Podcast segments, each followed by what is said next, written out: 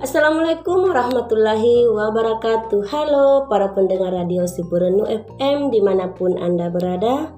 Bagaimana kabar tak hari ini? Semoga sehat selalu Ki dan kita semua mendapat keberkahan hari ini. Untuk bapak-bapak dan ibu-ibu serta anak-anakku yang mungkin sedang beristirahat atau lagi kerja Sambil mendengarkan radio Sipurenu ini mudah-mudahan selalu Ki semangat menjalankan aktivitas tak Semoga hari ini lebih baik dari hari kemarin. Baik anak-anak dan para pendengar si perenung sebelum kita masuk ke acara Guru SMP, kita dengarkan dulu lagu yang satu ini.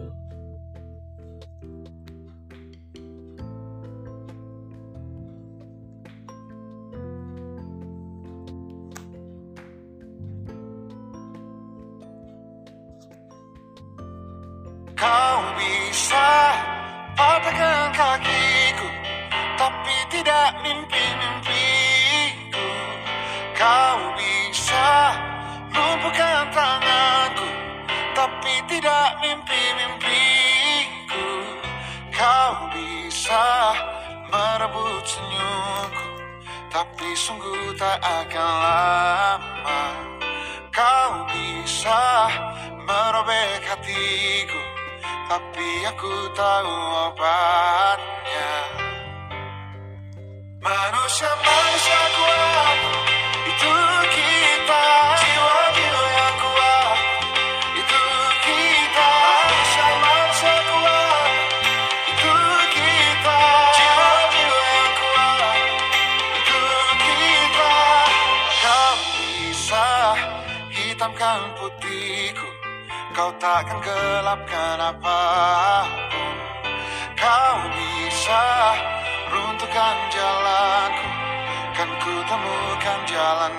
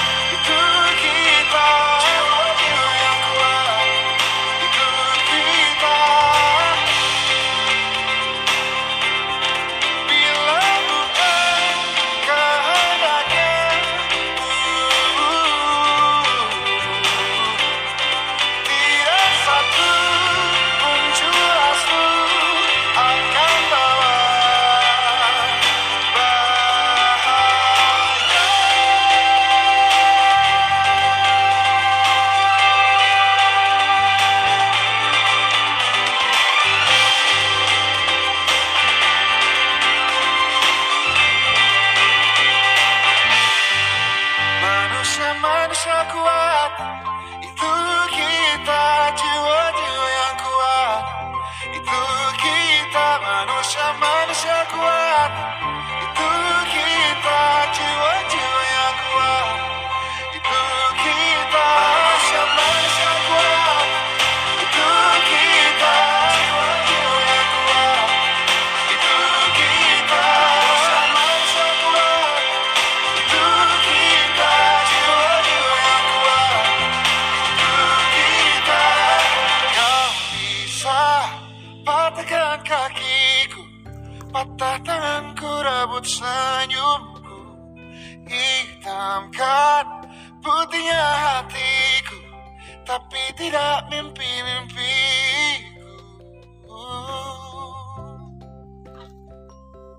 anak-anak dan pendengar setia radio Sipurenuh, di depan saya sudah hadir salah satu guru SMP yang ada di Pulau Butung, yaitu Pak Albar.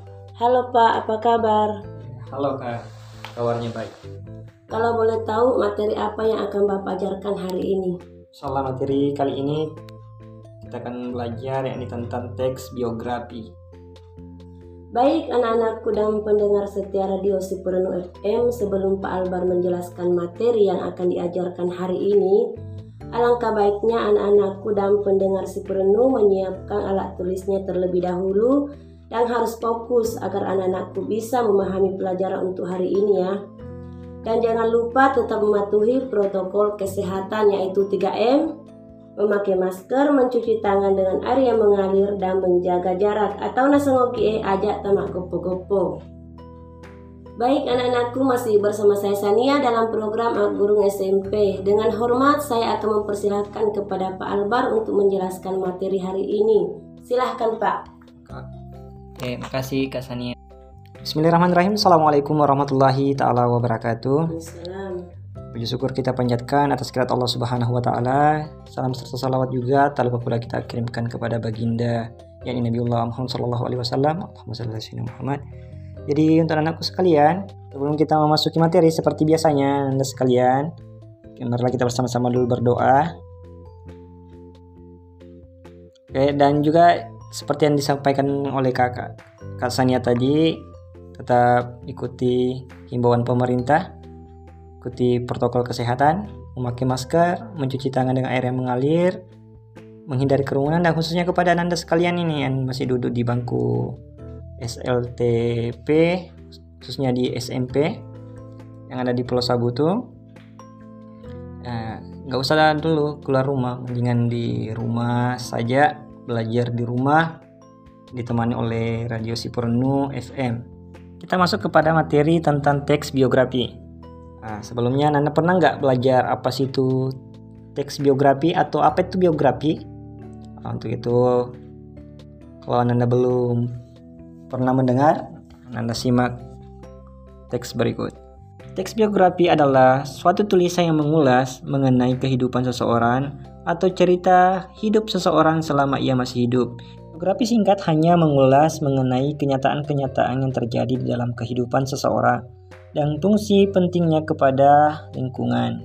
Biografi panjang melengkapi suatu informasi yang memiliki sifat penting, namun diceritakan dengan lebih jelas dan lengkap dan juga disertai dengan gaya cerita yang baik dan juga menarik. Biografi ialah satu buku yang menjelaskan peristiwa-peristiwa yang sedang atau telah dialami oleh seseorang.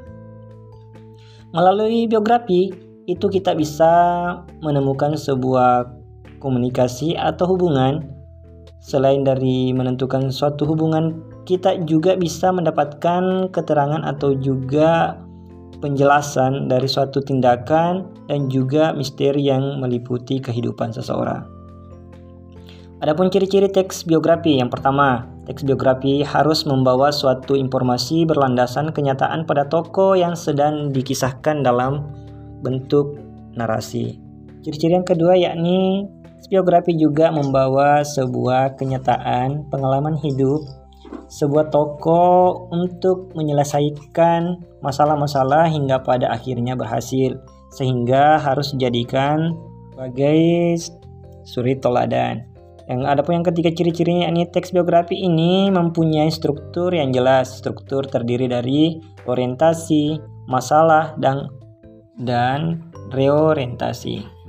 Oke, adapun unsur-unsur kaidah kebahasaan teks biografi yang pertama kata hubung Kata hubung ialah kata yang memiliki fungsi sebagai penghubung antara satu kata dengan kata-kata lain dalam satu kata atau kalimat dan juga kata hubung antara satu kalimat dengan kalimat-kalimat lain.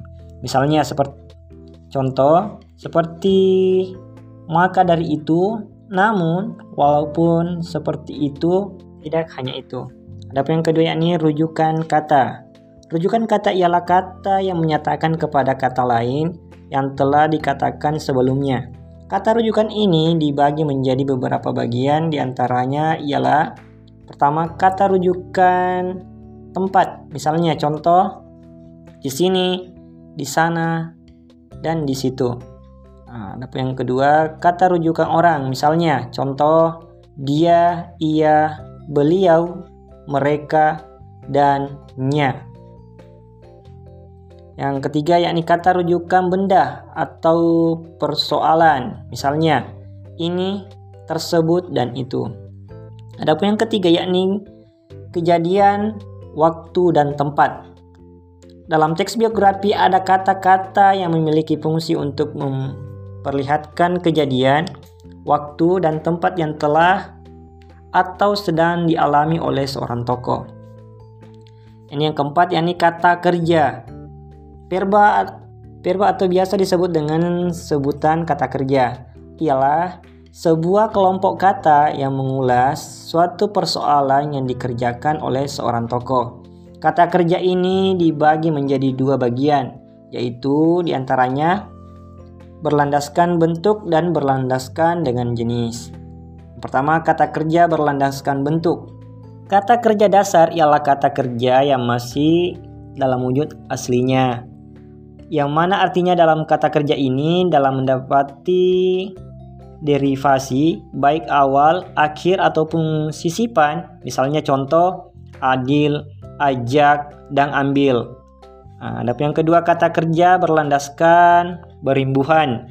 Kata kerja berimbuhan ialah kata kerja yang telah didapati menambahkan baik berwujud awalan, akhiran ataupun sisipan. Kita lanjut dari jenis-jenis biografi.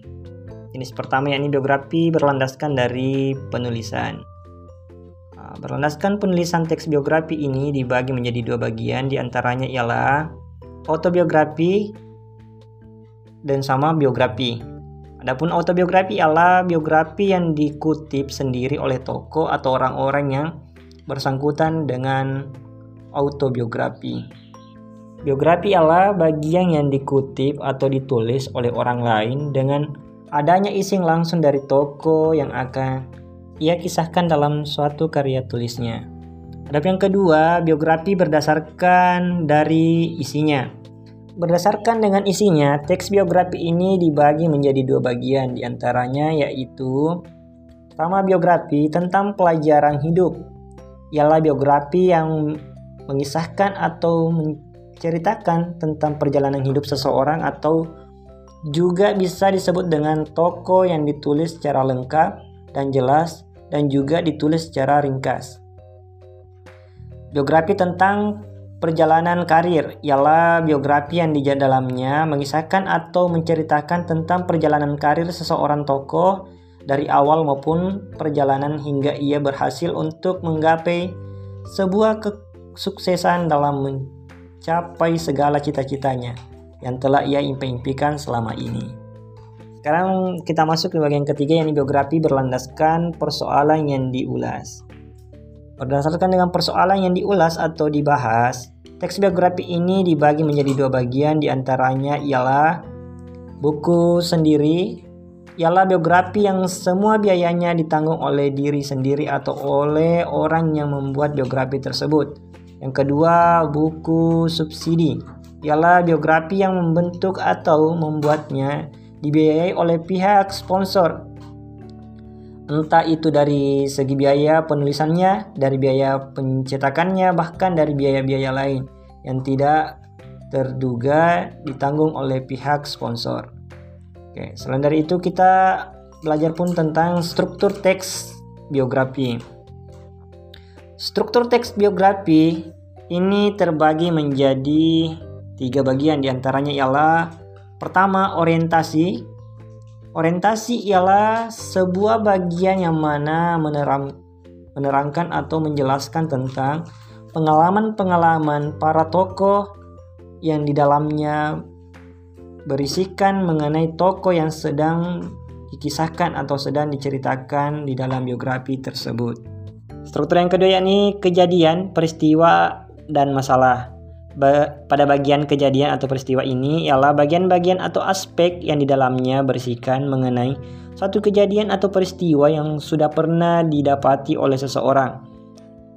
Termasuk juga di dalamnya berisikan mengenai masalah-masalah yang pernah ia hadapi dalam menggapai satu tujuan dan juga impian-impian di dalam kehidupannya. Persoalan yang sangat menarik mengagumkan, mengesankan dan juga menyedihkan yang pernah didapati oleh seseorang tokoh yang dibahas atau diceritakan di dalam bagian ini. Tapi yang ketiga ini reorientasi. Apa itu reorientasi? Reorientasi ialah bagian penutup dalam biografi. Aspek ini di dalamnya berisikan mengenai pandangan penulis kepada para tokoh yang sedang dikisahkan dalam biografi tersebut. Reorientasi ini memiliki sifat opsional yang mana artinya ialah bagian ini boleh dicantumkan atau boleh juga untuk tidak dicantumkan. Baik anak-anak, baik anak-anakku dan pendengar setia Sepura Nuh di mana pun anda berada. Pelajaran pertama sudah dijelaskan sama Pak Albar tentang teks biografi adalah suatu tulisan yang mengulas mengenai kehidupan seseorang yang masih hidup. Baik anak-anakku dan pendengar setia Radio Super FM sebelum kita lanjut kita break dulu sebentar sambil mendengarkan lagu yang satu ini.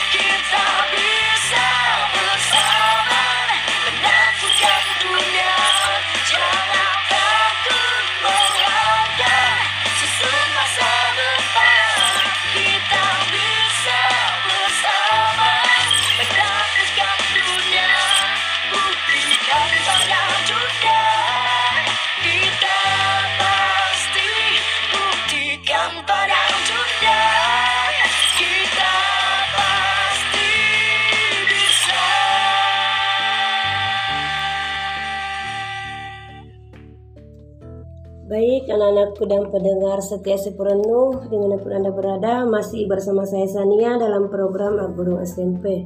Silahkan Pak. Terima banyak Kak Sania. Nah, nanti sekalian kita lanjutkan materi tentang teks biografi. Nah, untuk itu, sekarang kita masuk ke memahami makna teks cerita biografi. Sebelum berlatih menyusun teks biografi, sebaiknya kamu pahami dahulu manakah sebuah teks biografi. Dengan memahami makna teks biografi tersebut, kamu akan memperoleh gambaran yang jelas sehingga teks yang, ka yang kamu susun nanti akan memperoleh hasil yang berbobot. Untuk itu, Anda perlatih, perhatikan teks biografi berikut. Thomas Alva Edison menerangi dunia dengan hidupnya. Bakat itu adalah satu persen ilham ditambah 99% kerja keras. Ini adalah kata-kata yang diucapkan oleh Thomas Alva Edison ketika orang-orang bertanya Apakah dia merupakan orang yang berbakat? Kata-kata tersebut adalah kata-kata yang melukiskan kisah hidupnya selama 84 tahun. Bagaimana tidak? Edison kecil mengenyam pendidikan secara resmi di sekolah hanya tiga bulan, yakni pada saat dia berusia 8 tahun. Dia bahkan sempat dikeluarkan dari sekolah karena dinyatakan idiot dan tidak mampu menerima pendidikan dengan baik. Betapa pernyataan itu adalah sebuah kesalahan besar karena Thomas Alva Edison adalah seorang genius yang menciptakan berbagai penemuan besar yang penting untuk dunia. Jumlah benda yang ditemukan sepanjang hidupnya ada 1200 macam, sehingga pantas rasanya apabila Thomas Alva Edison memperoleh gelar Raja Penemu. Thomas Alva Edison lahir di Milan, Ohio, Amerika Serikat pada tanggal 11 Februari 1847. Edison tumbuh menjadi anak yang penuh keingintahuan. Ia kerap menanyakan hal-hal yang dianggap bodoh oleh orang-orang sekitarnya seperti mengapa matahari tidak jatuh dari langit atau mengapa kapal tidak tenggelam. Bahkan dia pernah nyaris membakar habis gedung karena ingin tahu apakah yang akan terjadi kalau api menyala. Di saat orang-orang di sekitarnya menganggapnya bodoh, ibunya menganggap tidak demikian. Menurut menurutnya Edison kecil bukanlah anak idiot.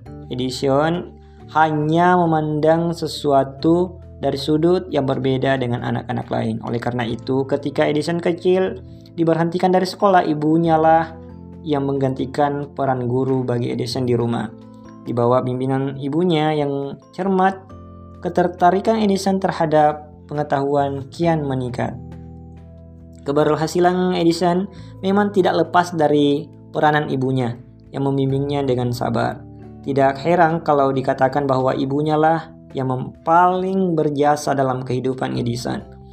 Nah, selain itu ada sebuah buku yang berjudul Percobaan Elektro Karangan Faraday ilmuwan fisika dan kimia Inggris yang juga punya pengaruh besar terhadap Edison. Buku ini disajikan dalam bahasa sederhana, tetapi mewakili rumus ilmu pasti. Hal ini membuat Edison belajar sendiri dan dapat menghapus perasaan takut terhadap ilmu pasti.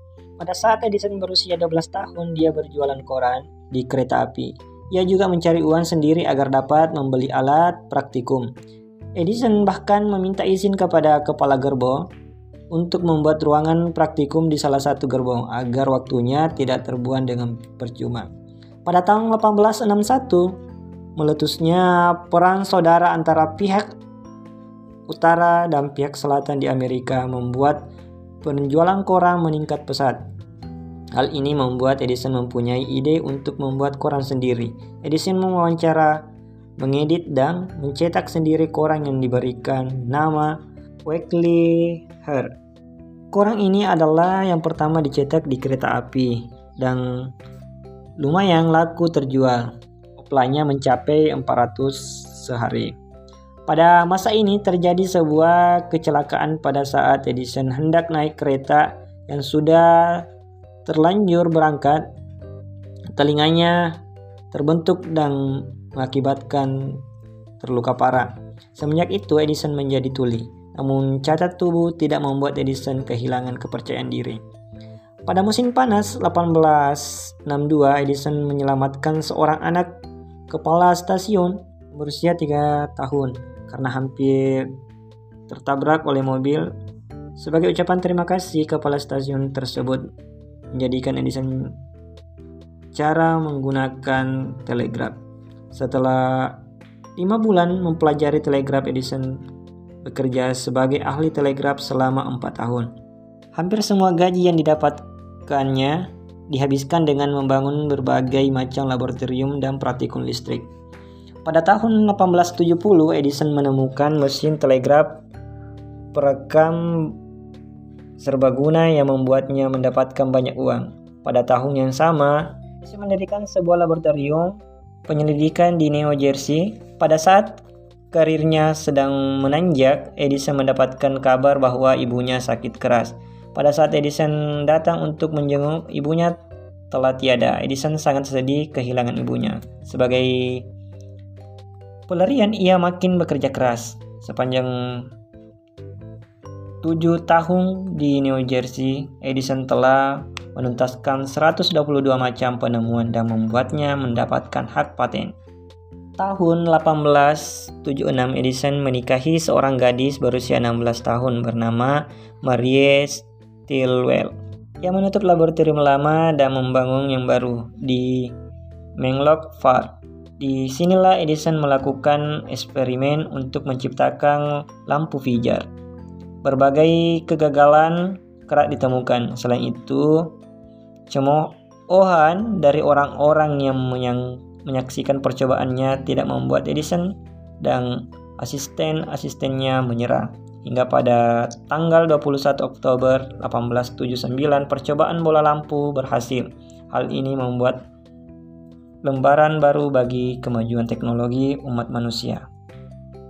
Berbagai penemuan Edison banyak memperoleh penghargaan. Tepatnya yang pantang menyerah dan selalu optimisme adalah awal dari keberhasilannya. Berbagai kegagalan tidak pernah membuatnya berputus asa.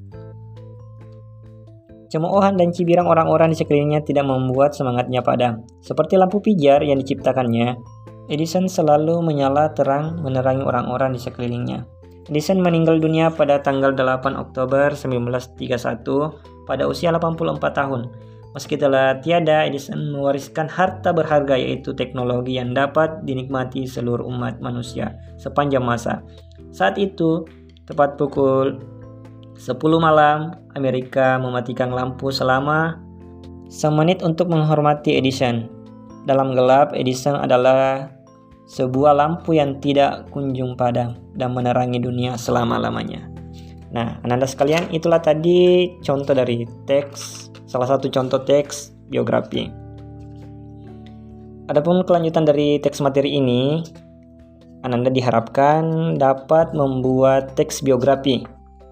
Nah, dalam menyusun teks biografi, setelah mempelajari banyak hal yang tentang teks biografi, selanjutnya adalah Ananda berlatih menyusunnya kamu dapat memilih salah satu toko yang kamu anggap menginspirasi hidupmu seperti toko-toko pertama ayah atau bundamu, gurumu, toko masyarakat di sekelilingmu, pejabat yang ada di sekelilingmu, pekerja sosial yang ada di daerahmu. Nah, kalau Ananda sudah dapat siapa tokonya, terus ada pun hal-hal yang perlu diperhatikan sebelum membuat teks biografi. Yang pertama, apa yang membuat toko itu istimewa atau menarik. Nah, kemudian yang kedua, dampak apa yang telah ia lakukan bagi dunia atau orang lain. Yang ketiga, kata sifat apa yang mungkin akan sering digunakan untuk menggambarkan orang itu, misalnya rajin, tekun, ulet, berwibawa, ramah, penuh kasih sayang, dan lain-lain. Kemudian yang keempat, contoh apa yang dapat dilihat dari hidupnya yang menggambarkan sifat tersebut. Kemudian yang kelima, terjadi apa yang kejadian apa yang membuat atau mengubah kehidupan orang itu. Keenam, apakah ia mampu mengatasi rintangan tersebut? Apakah beliau mengatasinya dengan beresiko? Apakah ia hanya beruntung? Nah, kemudian yang ketujuh, apakah lingkungan sekitarnya akan menjadi lebih baik atau lebih buruk jika orang itu tidak pernah ada? Bagaimana bisa dan mengapa? Kemudian yang ke-8, lakukan juga penelitian lebih lanjut dengan menyatakan anggota masyarakat lain untuk membantumu menjawab pertanyaan-pertanyaan yang ada di atas. Serta supaya ceritamu lebih menarik. Jadi jika Ananda sudah menyusun ceritanya, sudah mengikuti langkah-langkahnya, dari tugas yang Ananda buat, Ananda bisa kirimkan lewat WA ke guru masing-masing atau kakak Ananda bisa tulis dan kemudian ketika Ananda punya waktu bertemu dengan gurunya bisa dikasihkan guru agar dapat nilai tambah. Nah, untuk itu pada materi kali ini tentang teks biografi saya dengan kata sebelum saya tutup Anda tolong jangan sampai minatnya surut, tetap semangat meskipun belajar di rumah, nah, tetap ikuti himbauan pemerintah, memakai masker, menjaga jarak, menghindari kerumunan, dan khususnya kalau tidak penting, jangan keluar rumah. Tetap di rumah dan belajar di rumah. Saya dan kata Allah ila komentari. Wassalamualaikum warahmatullahi taala wabarakatuh. Baik anak-anakku dan pendengar setia Radio Sipurenuh, itulah penjelasan kedua dari Pak Albar masih dalam pembahasan tentang teks biografi. Nah, anak-anak harus berlatih di rumah ya untuk menyusun teks biografi dan harus di-store kepada guru kalau sudah selesai. Baik anak-anakku dan pendengar setia Radio Sepenuh FM di mana pun Anda berada, itu tadi materi yang sempat dibawakan oleh Pak Albar dalam program Agurung SMP. Semoga apa yang disampaikan Pak Albar hari ini lewat via Radio Sipurun FM dapat dipahami dengan baik dan bermanfaat buat anak-anakku dan kita semua. Dan untuk Pak Albar, terima kasih Pak sudah hadir hari ini untuk memberikan materinya. Sama-sama Kak Sani. Baik anak-anakku dan pendengar setia radio Sipuranu FM, tidak terasa saya sudah menemani Anda hari ini dalam program Guru SMP. Saya Sania, mohon maaf apabila ada salah kata. Assalamualaikum warahmatullahi wabarakatuh.